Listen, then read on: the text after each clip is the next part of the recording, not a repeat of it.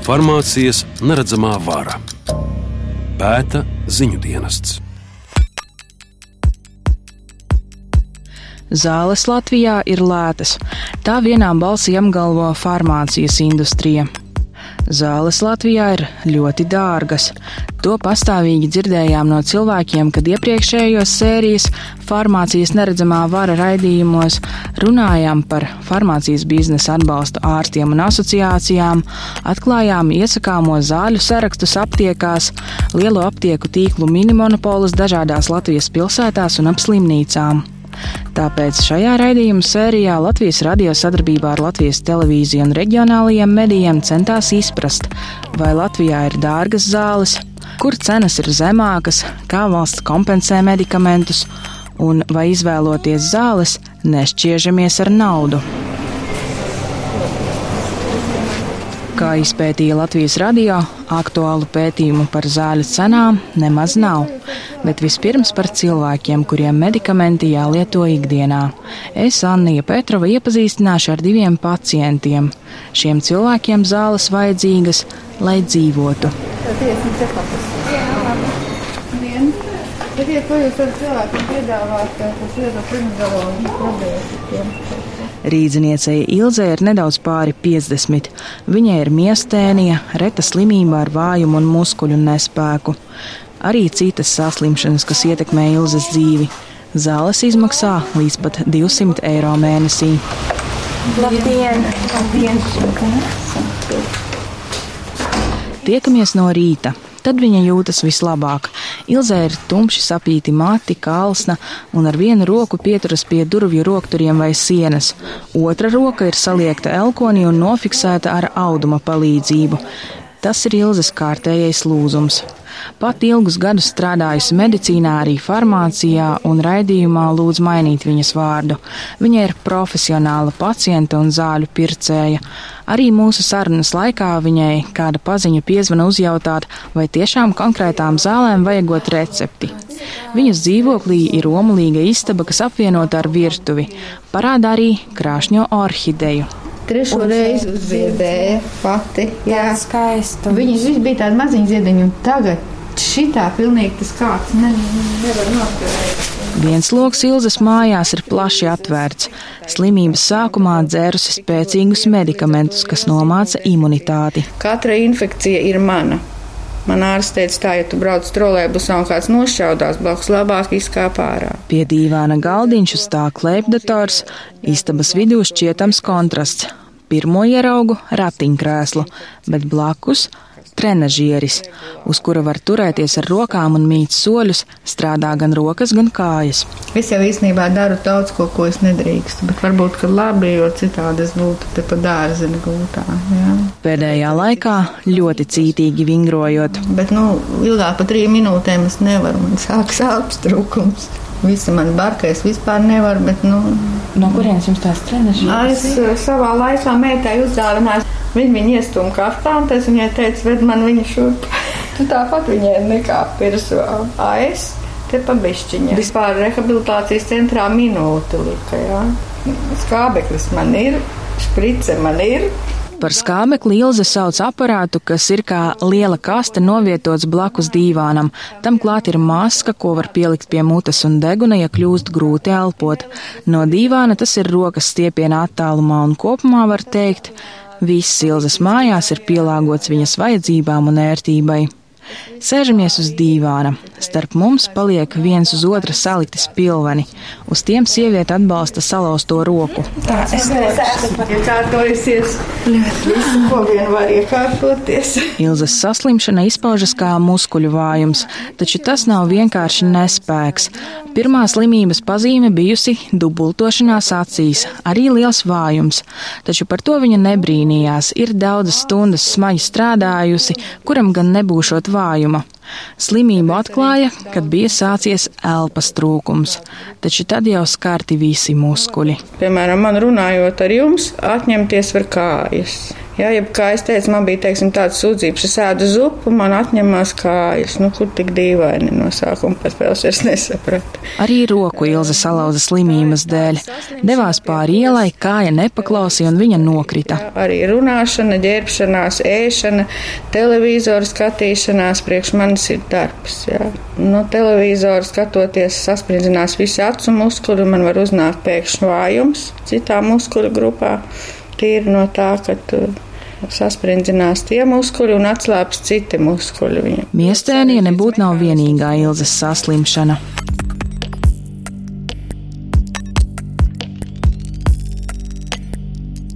Zāles savā starpā rūpīgi jāsaskaņo. Ilza kā profesionālis pārzina it visu par savām zālēm un vitamīniem, vai medikamentus dzert pirms vai pēc ēšanas, kurus kopā lietot nedrīkst. Mostas 4-5 no rīta, lai tukšā dušā iedzertu kuņģa tableti. Viņai uzlikti modinātāji, lai nepalaistu garām zāļu iedzeršanu, ik pēc 6-8 stundām dzerot muskuļu tabletīti, lai elpotu. Tad tagad līdz četriem ar šī. Tas man, lai muskuļi strādātu. Arī pirms dodamies kopā pēc zālēm, Ilze iedzer šo tableti. Es viņus Doktori teica, mēs no rīta nesatiksimies, ja tu uz nakti neiedzers. Ja. Nu, prednizolons, tas arī ir tāds medikaments, kā virsnieris man nav. Līdz ar to man viņš ir jālieto pastāvīgi, jo tas ir otrs, dēļ kā, ja es viņu neiedzeršu, es arī nonākšu reanimācijā. Ja. Pirms dodamies uz aptiekām, veids priekšdarbus. Somiņā man ir kastīte, kur man ir muskuļu tablete iekšā. Iedzer zāles, saliek nelielā melnā somiņā visu vajadzīgo. Izstāsta tablešu kastītes saturu. Tad man ir līdzi ampula ar šlircīti, ja sākas smags elpas trūkums tad spricēt kaut vai caur biksēm.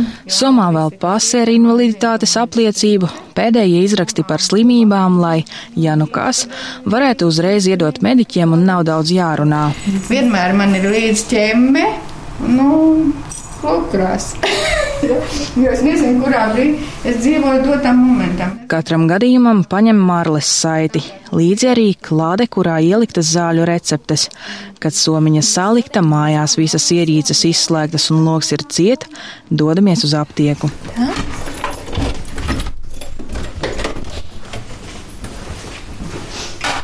Ilza pasūtījusi vienu produktu internetā. Un pašlaik es tur pasūtīju folijas kādi. Ja? Tā viņa aptiekā maksā 2,69 un turpat 2,45. Bet tā kā man jārēķina tās kapeikas, tas tiešām tā ir. Jā, tad, tagad man piezvanīja no apotēkas un teica, ka jūsu medikaments ir atnācis, varat nākt. Lai gan daļu no zālēm valsts kompensē, medikamentu iegāde Ilzē tik un tā ir lieli izdevumi. Mēnesī tērē 150 līdz pat 200 eiro. Vai jums pietiek?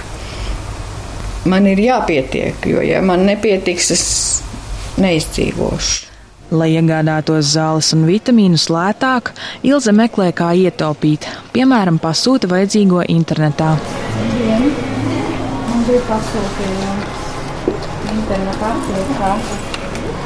Iedod lapiņu aptiekas darbiniecei un farmaceite dodas uz citu telpu. Atnes nelielu kastīti. Nākamā - saules aptieka. Šajā aptiekā Ilze krāja punktus. Pati strādājusi aptiekā un arī tagad zina stāstīt. Ir jau tās zāļu cenas ļoti atšķirīgas. Ne jau aptieku farmaceits vai vadītājs pie tā esot vainīgs. Tīklos ir jāsāk no vadības, saka Ilze. Vienīgais, es varu pateikt to, ka var lēti, labi savākt cilvēkam to, ko vajag. Tikai vajag gribēt un piedomāt. Ja? Tas ir no farmaceita atkarīgs. Tas gan tiešām ir. Arī pašā dārgākajā aptiekā to var izdarīt. Es jums varu to galvot, jo es esmu to darījusi. Ja? Šajā gājienā viss iecerētais nopirkts, varam doties mājās. Līdzi paņemtā zāļu kastīte, slimības vēsture, šprice un marle šodien palika somiņā. Nogurums ir manāms, tomēr vēlāk, pēc atpūtas, viņa iecerējusi doties vēl uz vienu attālāku aptieku.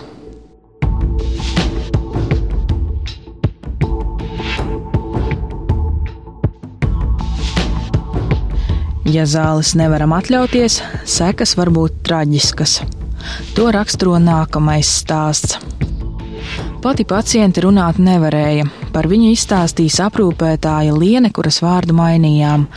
Šī paciente, kundze gados, zāles nelietoja. Tagad viņa ir guloša un atrodas pansionātā. Tad, kad ārsts savā laikā viņai rakstīja šos medikamentus, viņai bija nu, diezgan iespaidīgi jāmaksā par viņiem. Zāles kā tādas nav bijušas ļoti dārgas, bet kundzes pensija bijusi 225 eiro, un par dzīvokli vajadzējis iztērēt lielāko daļu - 130 eiro.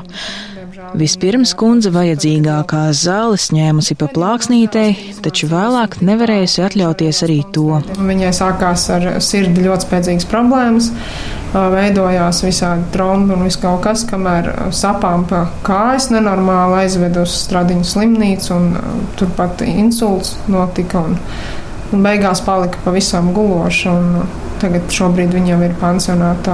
Nepalīdzēja arī ģimenes ārstes lielā atsaucība. Un, uh, viņa vienmēr skatījās lētākas, lētākas tās zāles, lai varētu kaut kā tas cilvēks viņas nopirkt, bet, nu, diemžēl viņi nevarēja atļauties. Un tad, kad jau Kad jau mazdēls bija izmācījies un tik tālu, ka viņš varēja jau sponsorēt, diemžēl jau bija par vēlu.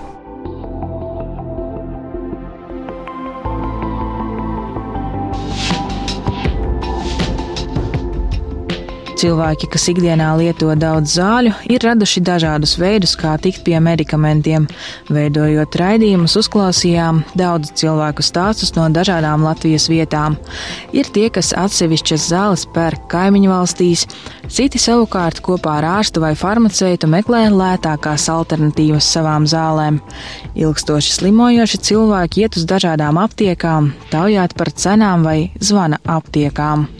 Pacienti stāstīja arī par vēršanos pie ziedotājiem. Nākas izvēlēties, kuras zāles pirkt un no kurām atteikties.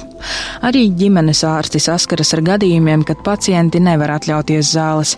Latvijas ārsta biedrības viceprezidente Ilza Aizsilniece norāda, riska grupā ir vecāka gada gājuma pacienti ar hroniskām saslimšanām. Bieži vien slimnieki padomus saņem no vairākiem speciālistiem un jāpērk daudz zāļu. Tāpat nevienmēr jaunieši var atļauties zāles, norāda Aizsilniece. Ne visiem ir, piemēram, iespēja būt atbalstītiem no ģimenes. Tad, ja ir kaut kāda pat akūta saslimšanas, viņiem ir jāpadomā, cik daudz viņi var atļauties eh, no saviem ienākumiem iztērēt medikamentiem. Zāles Latvijā ir lētas. Šāds vēstījums izskan no farmācijas industrijas un arī atbildīgajām iestādēm. Lūk, ko šī gada aprīlī Saimas sociālo lietu komisijas sēdē, ko sasauca pēc iepriekšējās farmācijas neredzamās varas raidījumu sērijas, teica industrijas pārstāvji Mārcis Rutulis, Anda Blumberga un Dīns Šmits. Mēs zinām, ka medikamentu cenas Latvijā ir viens no zemākajām Eiropā. Tas arī ir veikts visos šajos pētījumos, ko, ko mēs vēlāk varam arī parādīt, ir nepieciešams. Zāļu cenas Latvijā ir tiešām ļoti zemas. Tas ir pirmkārt zāļu cenas Latvijā ir zemas. Mēs varam rēķināt, kā mēs to gribam. Pētījumus, kas apliecinātu zāļu lētumu Latvijā, meklējām gan veselības ministrijā, gan vaicājām industrijas pārstāvjiem. Visbeidzot, no ministrijas saņēmām atbildi, ka šādu pētījumu nemaz nav. Pieejami tikai veci pētījumi, radio atzina Zāļu valsts aģentūras vadītāja vietnieks Jānis Zvejnieks. Vai ir kaut kāds regulārs pētījums par visām Eiropas valstīm un zāļu cenām. Nē, tāda nav manā rīcībā, un es arī nevaru viņu nekur īpaši dabūt. Ir kaut kādi veci pētījumi, ja, kas ir jau, ko prezentē, piemēram, Zāļu lieltirgotāju asociācija, ja, bet tas ir, ja nemaldos, 11. gada pētījums. Tātad šī brīža situāciju raksturojošu pētījumu par zāļu lētumu vai dārdzību Latvijā atrast nav iespējams. Un nav arī iespējams pateikt, kam ir taisnība pacientiem vai industrijai. No atbildīgajām iestādēm izskan arī, ka medikamenti pie mums varētu būt lēti, jo tos daudz izvedot uz ārvalstīm. Ja būtu dārgi, citi no mums zāles nepirktu. To daudzina arī biznesa pārstāvji. Bet pat ja atklātos, ka zāles salīdzinājumā ar bagātākām Eiropas valstīm Latvijā maksā mazāk, nevar ignorēt mūsu iedzīvotāju pirktspēju. Pārtikušas valsts iedzīvotājiem samaksāt par zālēm 50 vai 100 eiro no algas vai pensijas nav tik sāpīgi kā cilvēkam Latvijā.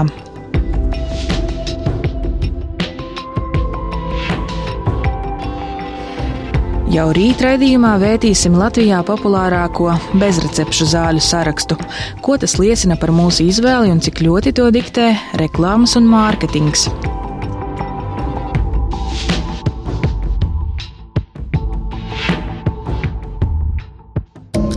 Farmācijas neredzamā vara pēta ziņu dienests.